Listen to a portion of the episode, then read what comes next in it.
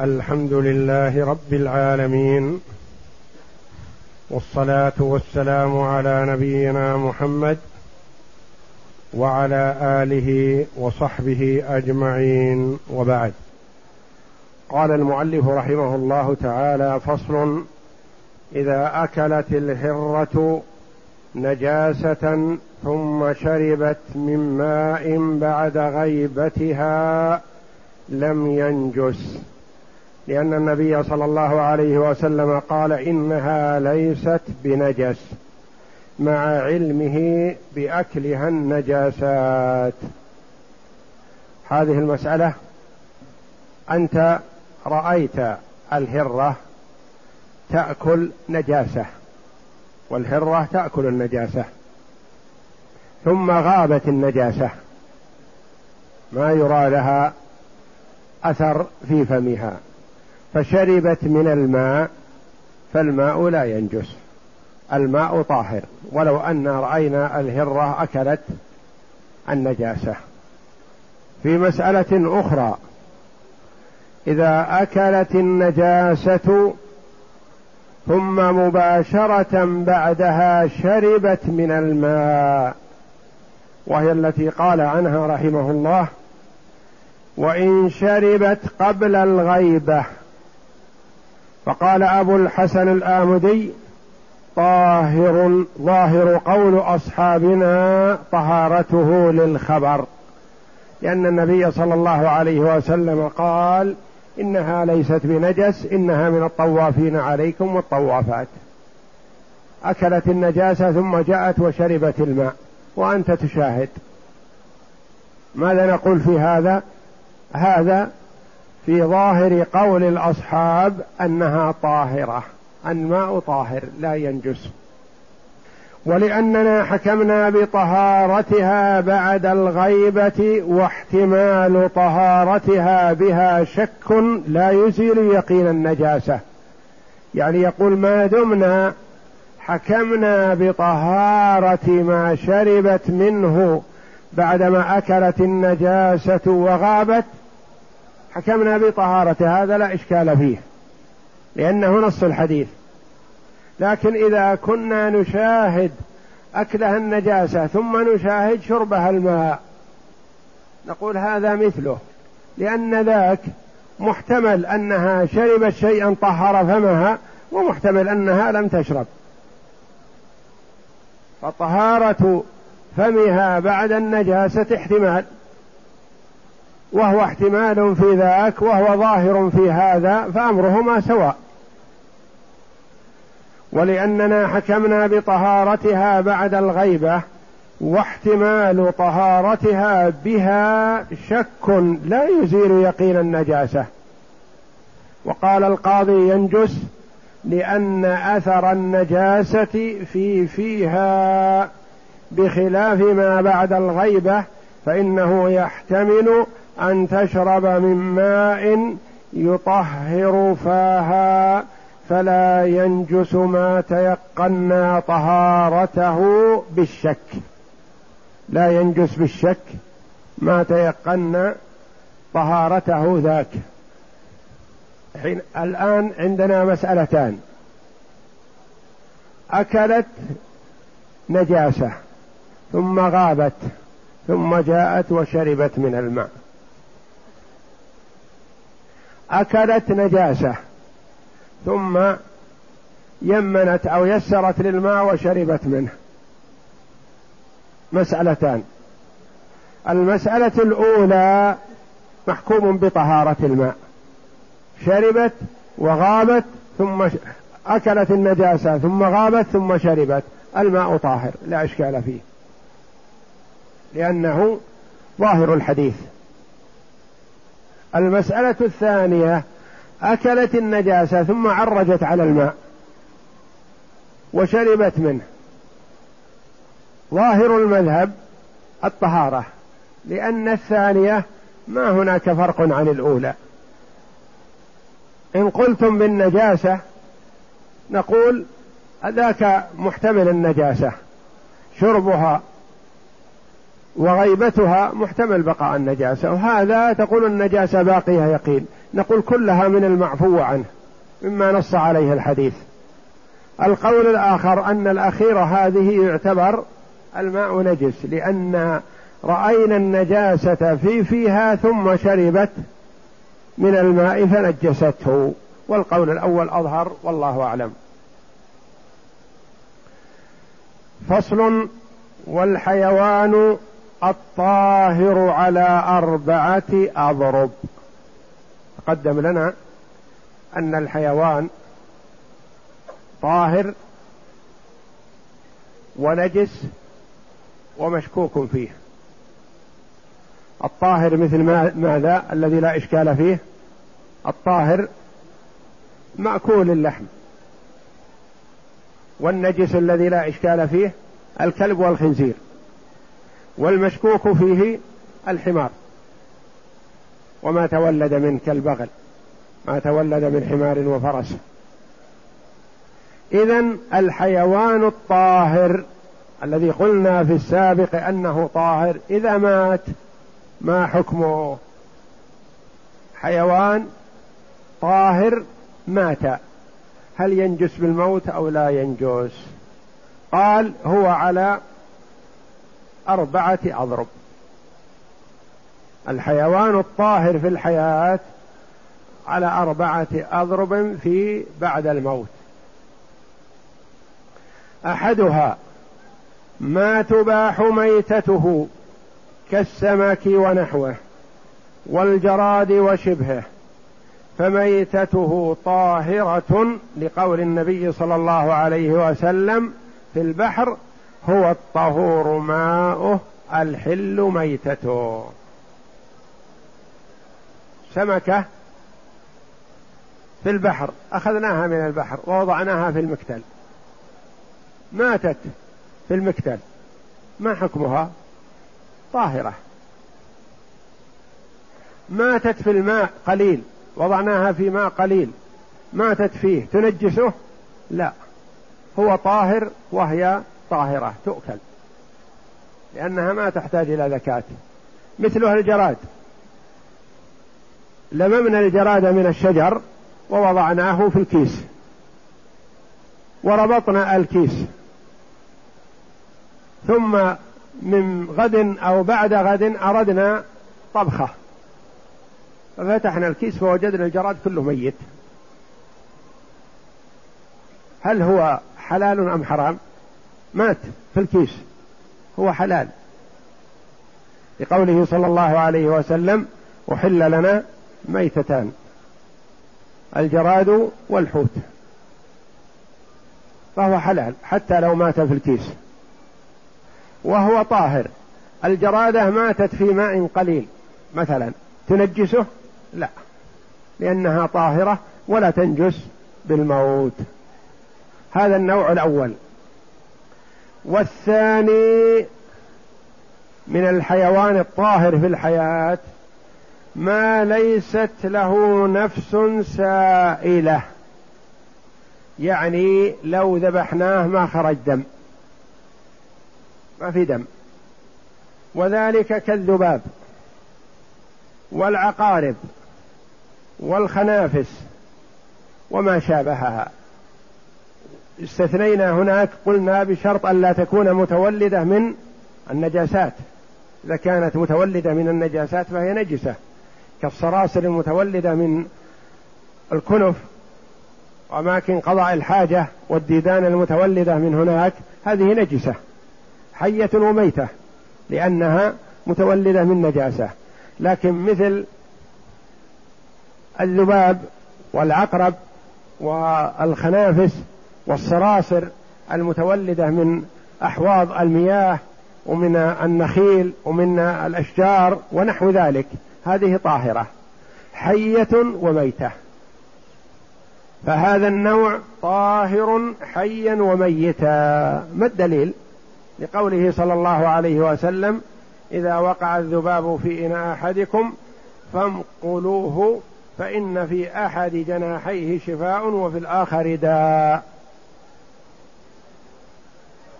أو في رواية أخرى فليغمسه إذا وقع الذباب في إناء أحدكم فليغمس. افرض أنه وقع في الماء مثلا. إذا وقع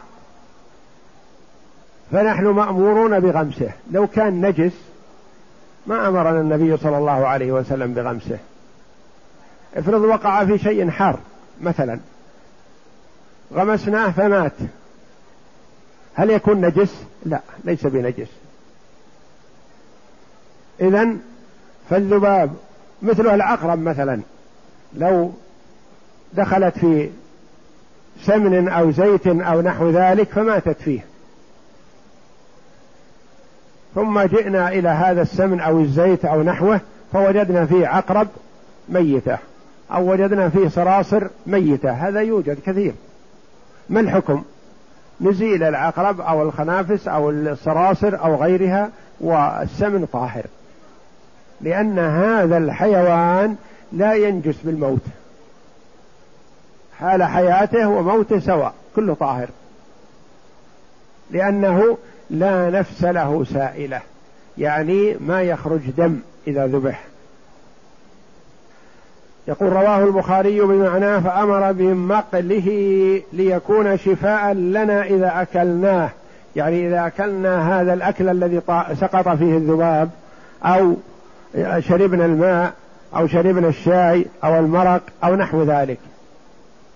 إذا وضع الذباب فيه فالسنة أن تغمسه لأنه هو يتكي على الجناح الذي فيه الداء ويرفع اللي فيها الشفاء. فأمرنا بغمسه من أجل أن يقابل الشفاء الداء. فنسلم من شره. ونشرب الماء أو المرق. وكون الإنسان يكره هذا كراهية تقزز مثلا ما يضير ما في حرج. ما في حرج لكن نقول هل هو حرام؟ لا. أنت ما تأكله أو ما تشربه مثلا تناوله غيرك ما في حرج. تعطيه الولد أو البنت أو غيرهما ما في حرج. ما يقال إنك غششته أو أعطيته شيئا ليس بطاهر أو شيء نجس لا هو طاهر. كونك أنت تكرهه ما يضير لأنه يجوز أن الإنسان يكره بعض الحلال ولا لوم عليه. هذا مثلا يكره البصل هذا يكره الكراث هذا يكره الثوم هذا يكره السمك مثلا ما يأكل السمك هذا يكره كذا من المأكولات لا حرج عليه لأن النبي صلى الله عليه وسلم قدم الضب بين يديه. فكره النبي صلى الله عليه وسلم أن يأكل منه. فقيل له أحرام هو يا رسول الله؟ قال لا ولكنه ليس بأرض قومي فأجدني أعافه يعني أكرهه. ما كان يوجد في مكة. ولما ذهب إلى المدينة آه موجودة فيها بكثرة. فقدم له صلى الله عليه وسلم ضب مشوي أو مطبوخ فكف يده عليه الصلاة والسلام وأكل الضب بين يديه. أكله من حاضر. فكون الإنسان يكره بعض الشيء لا حرج عليه والحمد لله لكنه لا يحرمه ولا يحرمه على غيره. فأمر صلى الله عليه وسلم بمقله ليكون شفاء لنا إذا أكلناه ولأنه لا نفس له سائلة. أشبه دود الخل إذا مات فيه. ومثله الدود الذي يكون في التمر والسوس ونحوه. هذه الأشياء حلال طاهرة ليست بنجسة لأنها متولدة من طاهر ولا نفس لها سائلة يعني ما فيها دم يسيل. الثالث من أنواع الحيوانات الطاهرة في الحياة الطاهرة في الحياة أربعة أنواع. تقدم اثنان والثالث الآدمي. يقول الثالث الآدمي ففيه روايتان. أظهرهما أنه طاهر بعد الموت. لقول النبي صلى الله عليه وسلم إن المؤمن ليس بنجس. ولأنه لو كان نجس العين لم يشرع غسله كسائر النجاسات. الثالث من الحيوانات الطاهرة في حال الحياة الآدمي. الآدمي مات. هل ميتة الآدمي نجسة؟ الآدمي إذا مات هل هو نفسه نجس؟ إذا مات في ماء مثلا هل ينجسه؟ في هذا روايتان عن الإمام أحمد. الأولى أنه لا ينجس وهذا هو الأظهر. لما؟ نقول لأن النبي صلى الله عليه وسلم شرع لنا تغسيل الميت. وتغسيل الميت دليل على طهارته لأنه لو كان نجس العين ما نفع التغسيل فيه. لو تغسل الكلب من الصباح إلى الليل هل يطهر؟ هل ينفع فيه؟ لا. نجس العين ما ينفع فيه التغسيل. لكن المؤ الآدمي لا ينجس. لا ينجس. والله جل وعلا يقول ولقد كرمنا بني آدم وحملناهم في البر والبحر. وقال الآدمي ولم يقل المسلم يعني يشمل جميع الآدميين حتى الكافر. إذا مات فليس بنجس. والثانية الرواية الثانية أنه نجس. لما قلتم بنجاسته؟ قالوا لأن الإمام أحمد رحمه الله سئل عن صبي مات في بئر فأمر بنزحها. قال انزحوه. أخذوا من هذا قالوا إن الإمام أحمد رحمه الله يرى أن موت الصبي في هذه البئر جعلها تنجس. نقول لا. محتمل أنها أنه لا يريد نجاسته وإنما لأنه ربما تأخر فيها فأصبح الماء متغير بالرائحة رائحة الميت ونحو ذلك فأمر بنزحها. والآدمي طاهر في حال الحياة فلا ينجس بالموت. الرابع ما عدا ذلك. من الحيوانات التي لها نفس سائلة. كالإبل والبقر والغنم والحمام والدجاج وغير ذلك. التي لها نفس سائلة. إذا ماتت حتف أنفها تنجست. نجسة. الرابع ما عدا ذلك ما ذكرناه مما له نفس سائلة لا تباح ميتته. فميتته نجسة لقول الله تعالى حرمت عليكم الميتة. وقوله تعالى إلا أن يكون ميتة أو دما مسفوحا أو لحم خنزير فإنه رجس. هذه إذا ماتت فهي نجسة. سواء كانت مما تؤكل إذا ذبحت أو لا تؤكل كالقط ونحوه وما كان دونه. والفأرة ميتتها نجسة. أما كما تقدم لنا الفأرة إذا وقعت في الماء أو الزيت وخرجت حية فهو طاهر ولا ينجس. بوقوعها فيه. لأن ما كان بمقدار الهرة فما دون فهو طاهر في حال الحياة. إذا الحيوان بعد موته أربعة أنواع. اثنان طاهران والثالث فيه روايتان والرابع نجس. الطاهر في حال الحياة وبعد الموت السمك ونحوه والجراد وما لا نفس له سائلة إذا كان متولدا من طاهر. ما فيه روايتان الآدمي إذا مات. ما هو نجس؟ ما عدا ذلك. مما له نفس سائلة ومات سواء كان من المذكى والمأكول إذا مات حتف أنفه أو كان من غير المأكول كالقط ونحوه. باب الآنية وهي ضربان يعني نوعان. مباح من غير كراهة وهو كل إناء طاهر من غير جنس الأثمان.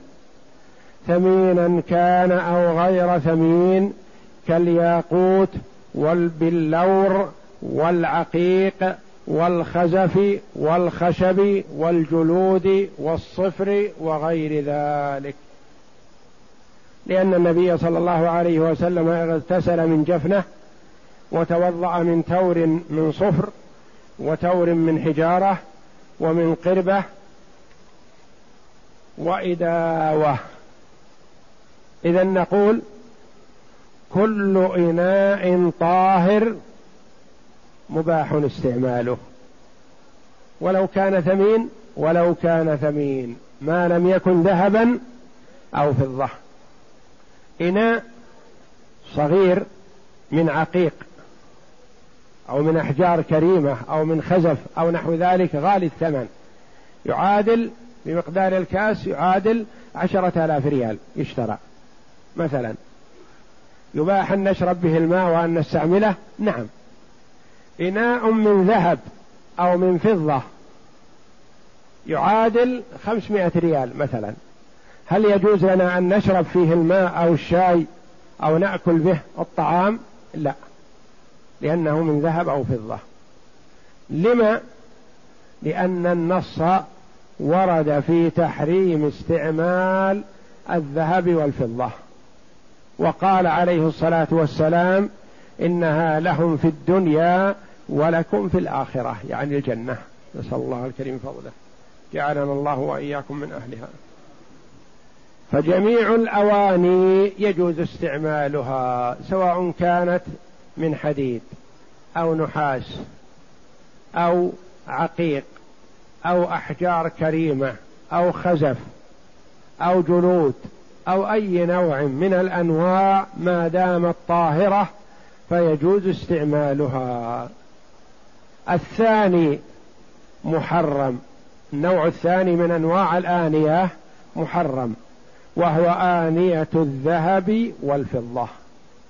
ويلحق بذلك ما موه أو صبغ أو كذا أو كذا أضيفت إليه بالذهب أو بالفضة. لما روى حذيفة أن النبي صلى الله عليه وسلم قال لا تشربوا في آنية الذهب والفضة ولا تأكلوا في صحافها فإنها لهم في الدنيا. لهم من هم? الكفار. ولكم في الآخرة. وقال صلى الله عليه وسلم الذي يشرب في آنية الفضة إنما يجرجر في بطنه نار جهنم متفق عليه. فتوعد عليه النبي صلى الله عليه وسلم بالنار فدل على تحريمه. ولأن فيه سرفا وخيلا وكسر قلوب الفقراء ولا يحصل هذا في ثمين الجواهر لأنه لا يعرفها إلا الخواص من الناس. يعني الثمين من غير الذهب والفضة لا بأس به. لما؟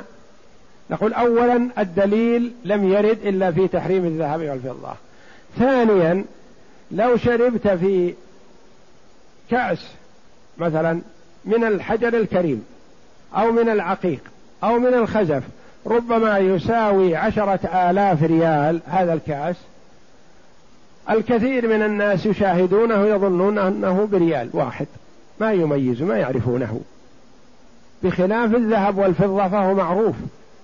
إذا رآك الناس تشرب بكأس الذهب والفضة تأثروا من هذا. هو لا يجد إلا القليل يأكله وأنت تشرب في آنية الذهب والفضة لا.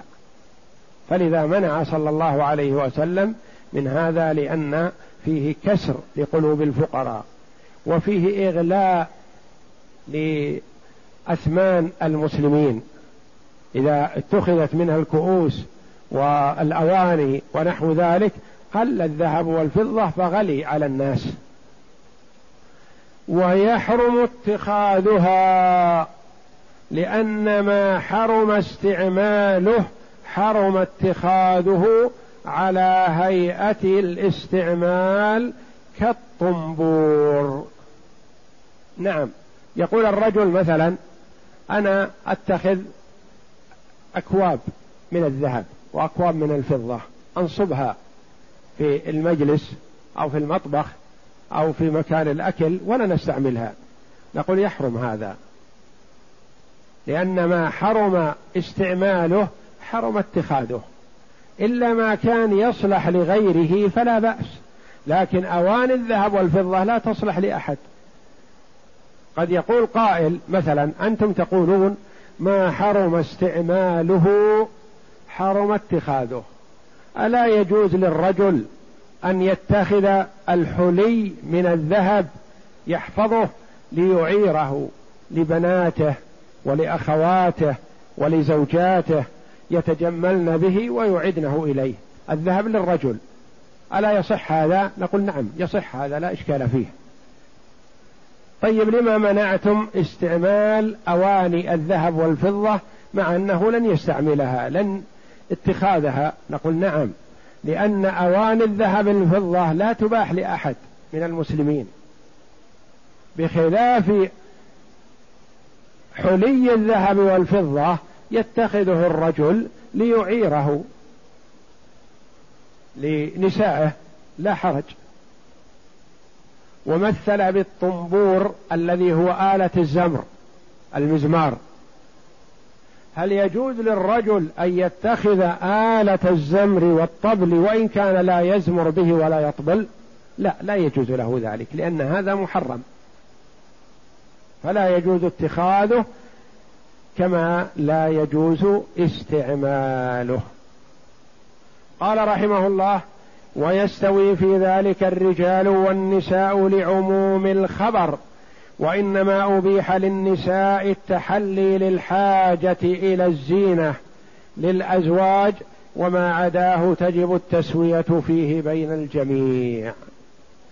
هل يجوز للرجل أن يستعمل ساعة الذهب؟ لا.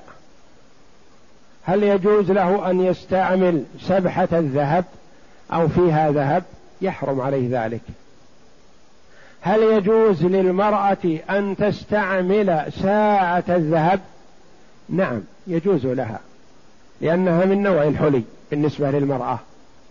كما تستعمل أنواع الحلي من الذهب والفضة. هل يجوز للمرأة أن تستعمل مكحلة الذهب أو الفضة؟ لا، لأن هذا استعمال. أبحنا لها الحلي لأنها تتحلى به لزوجها. وحرمنا عليها استعمال المكحلة لأن استعمال المكحلة ليس حلي للزوج. هل يجوز للمرأة أن تستعمل قلم الذهب؟ لا، لا يجوز لها. تستعمل حلي الذهب ولا تستعمل القلم لأن قلم الذهب ليس حلي. مثل المكحلة ومثل المشط. لا يجوز للمرأة أن تستعمل مشط الذهب لأن هذا ليس بحلي. فالاستعمال يمنع منه الرجل والمرأة.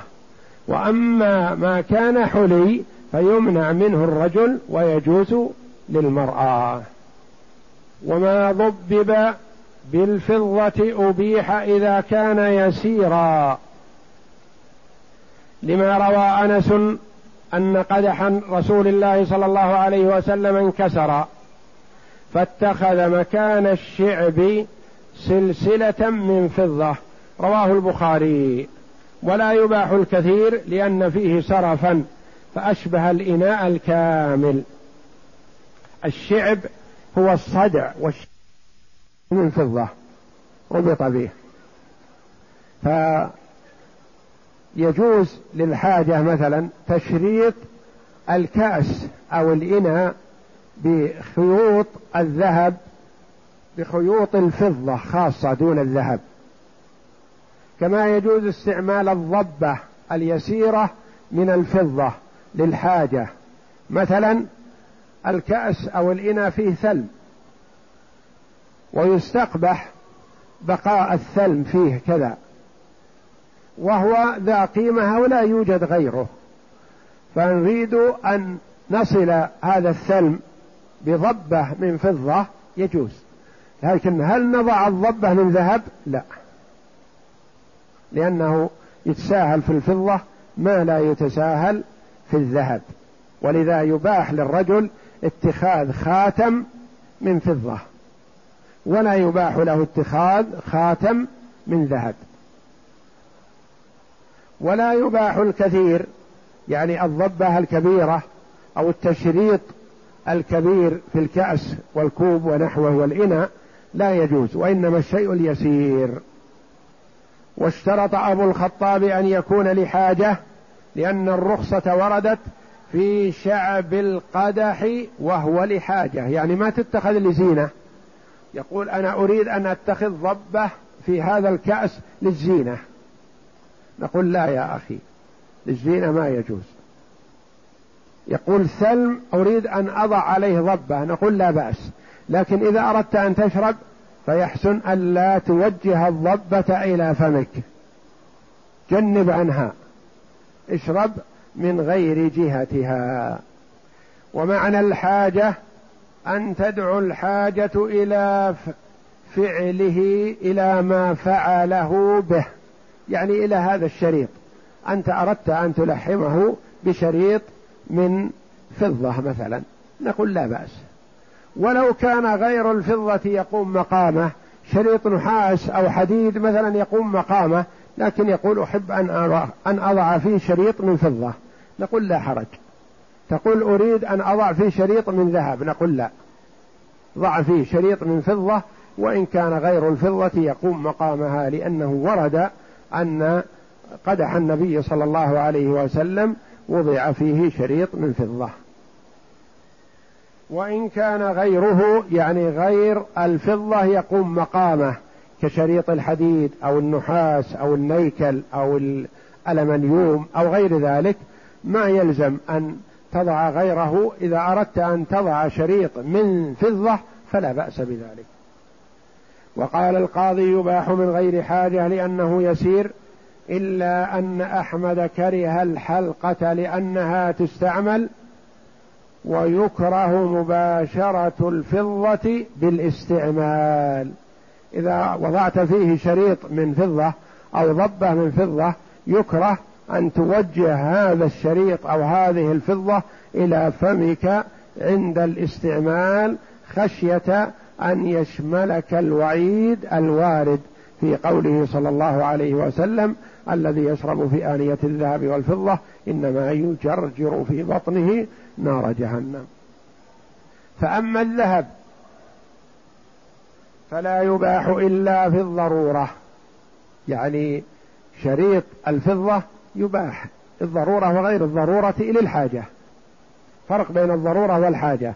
الضرورة التي لا يصلح غيره مكانه والحاجة يصلح غيره مكانه لكن أنت محتاج لهذا الشيء. فأما الذهب فلا يباح إلا في الضرورة. كأنف الذهب لأن النبي صلى الله عليه وسلم رخص لعرفجة. ابن أسعد لما قطع أنفه يوم الكلاب واتخذ أنفا من ورق فأنتن عليه أن يتخذ أنفا من ذهب.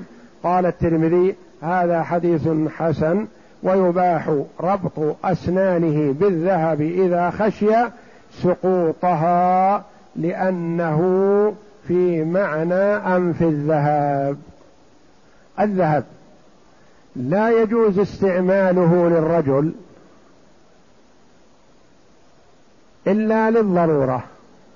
من الضرورة أنف الذهب مثلا. عرفجة بن أسعد رضي الله عنه كان قطع أنفه في أحد حروب الجاهلية. فوضع أنف من ورق يعني من فضة فأنتن أصابه النتن الرائحة الخبيثة. فأمره النبي صلى الله عليه وسلم أن يتخذ أنفا من ذهب. فسلم من النتن ومثل الأنف السن مثلا.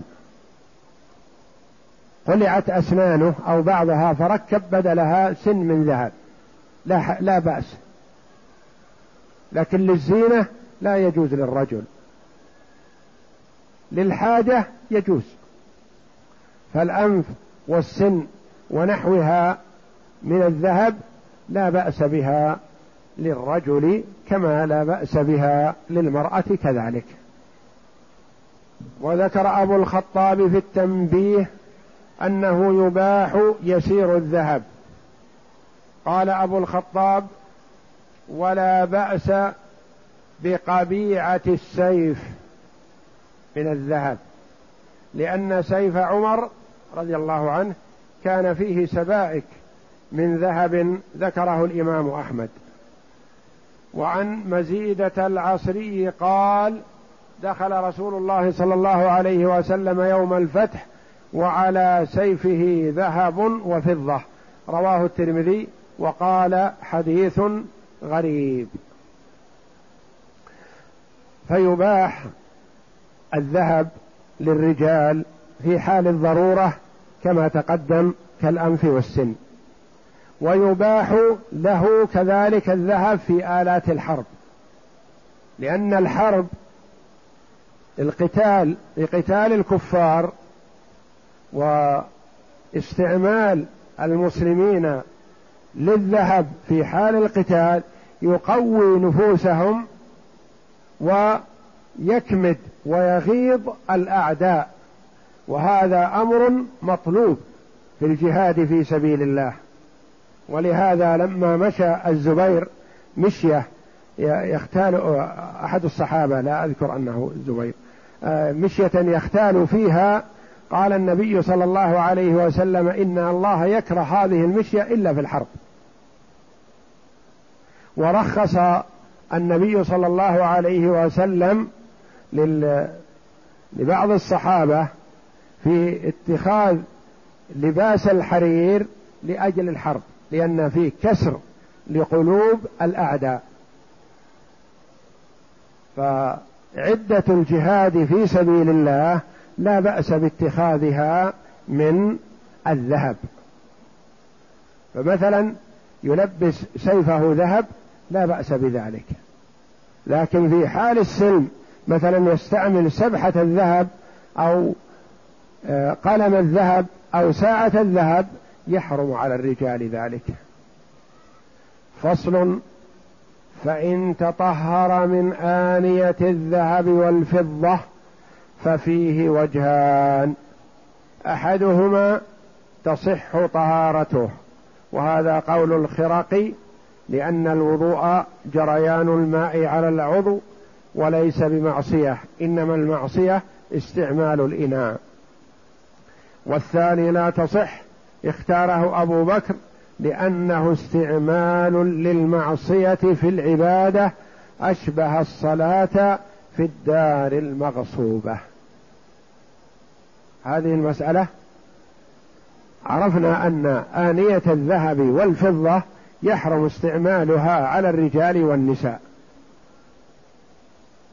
رجل توضأ بإناء من ذهب أو فضة. نقول استعماله للإناء حرام عليه يأثم. لكن هل يصح وضوءه أو لا؟ قولان للعلماء رحمهم الله. روايتان في المذهب. الأولى قول الخرقي صاحب المختصر قال يجوز. الطهارة صحيحة والاستعمال محرم. الطهارة صحيحة لأن الطهارة ماء يغسل به عضوه فهو أدى ما عليه نحو الطهارة لكن استعماله للإناء حرام. الرواية الثانية وهي لبعض شيوخ المذهب قالوا لا يصح ولا تصح الطهارة لأنه استعمل المحرم فطهارته غير صحيحة. يرحمكم الله لما؟ ما غسل به أعضاء؟ قالوا لا نقيسه على الدار المغصوبة كما أنه لا يصح أن يصلي في الدار المغصوبة لا يصح أن يتوضأ بالإناء المحرم. نقول بارك الله فيكم فيه فرق. الدار المغصوبة يستعملها في العبادة يصلي فيها يركع ويسجد وهذا حرام عليه نحن معكم. لكن إن ذهب وفضة نقول له لبسك استعمالك الإناء حرام وطهورك صحيح وهذا أقرب وهو قول الأكثر. أن التطهر بها صحيح والاستعمال والاستعمال لها محرم. إذا فتلخص معنا في الأواني أن الأواني نوعان. نوع يجوز استعماله واتخاذه غاليا أو رخيصا سوى الذهب والفضة. ما دام طاهر فيجوز استعماله. وأما الذهب والفضة فيحرم استعماله للرجال والنساء ويستثنى النساء في الحلي. ما تتحلى به المرأة لزوجها تستعمله. مثلا ساعة الذهب للمرأة حلال للرجل حرام. مكحلة الذهب وسبحة الذهب مثلا تحرم على الرجال وعلى النساء لأن هذا في حق النساء استعمال وليس تحلي لأن المرأة لا تتحلى بالمكحلة المشط لا تتحلى بالمشط فهو استعمال فلا يباح له استعمال مشط الذهب ولا مكحلة الذهب. ويستثنى من الفضة الضبة اليسيرة والشريط لحاجة. والتطهر بآنية الذهب والفضة يحرم ذلك والطهارة بها فيها قولان هل هي صحيحة أو ليست بصحيحة؟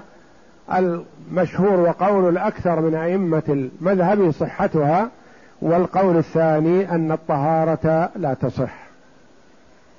إذا حكم استعمال ملائق الذهب الملعقة والشوكة للرجال والنساء يحرم ذلك لأن هذا من استعمال الذهب. متى يباح للرجل استعمال الذهب؟ استعمال الذهب يباح للرجل عند الضرورة كأنف الذهب وسن الذهب وفي غير الضرورة في آلة الحرب.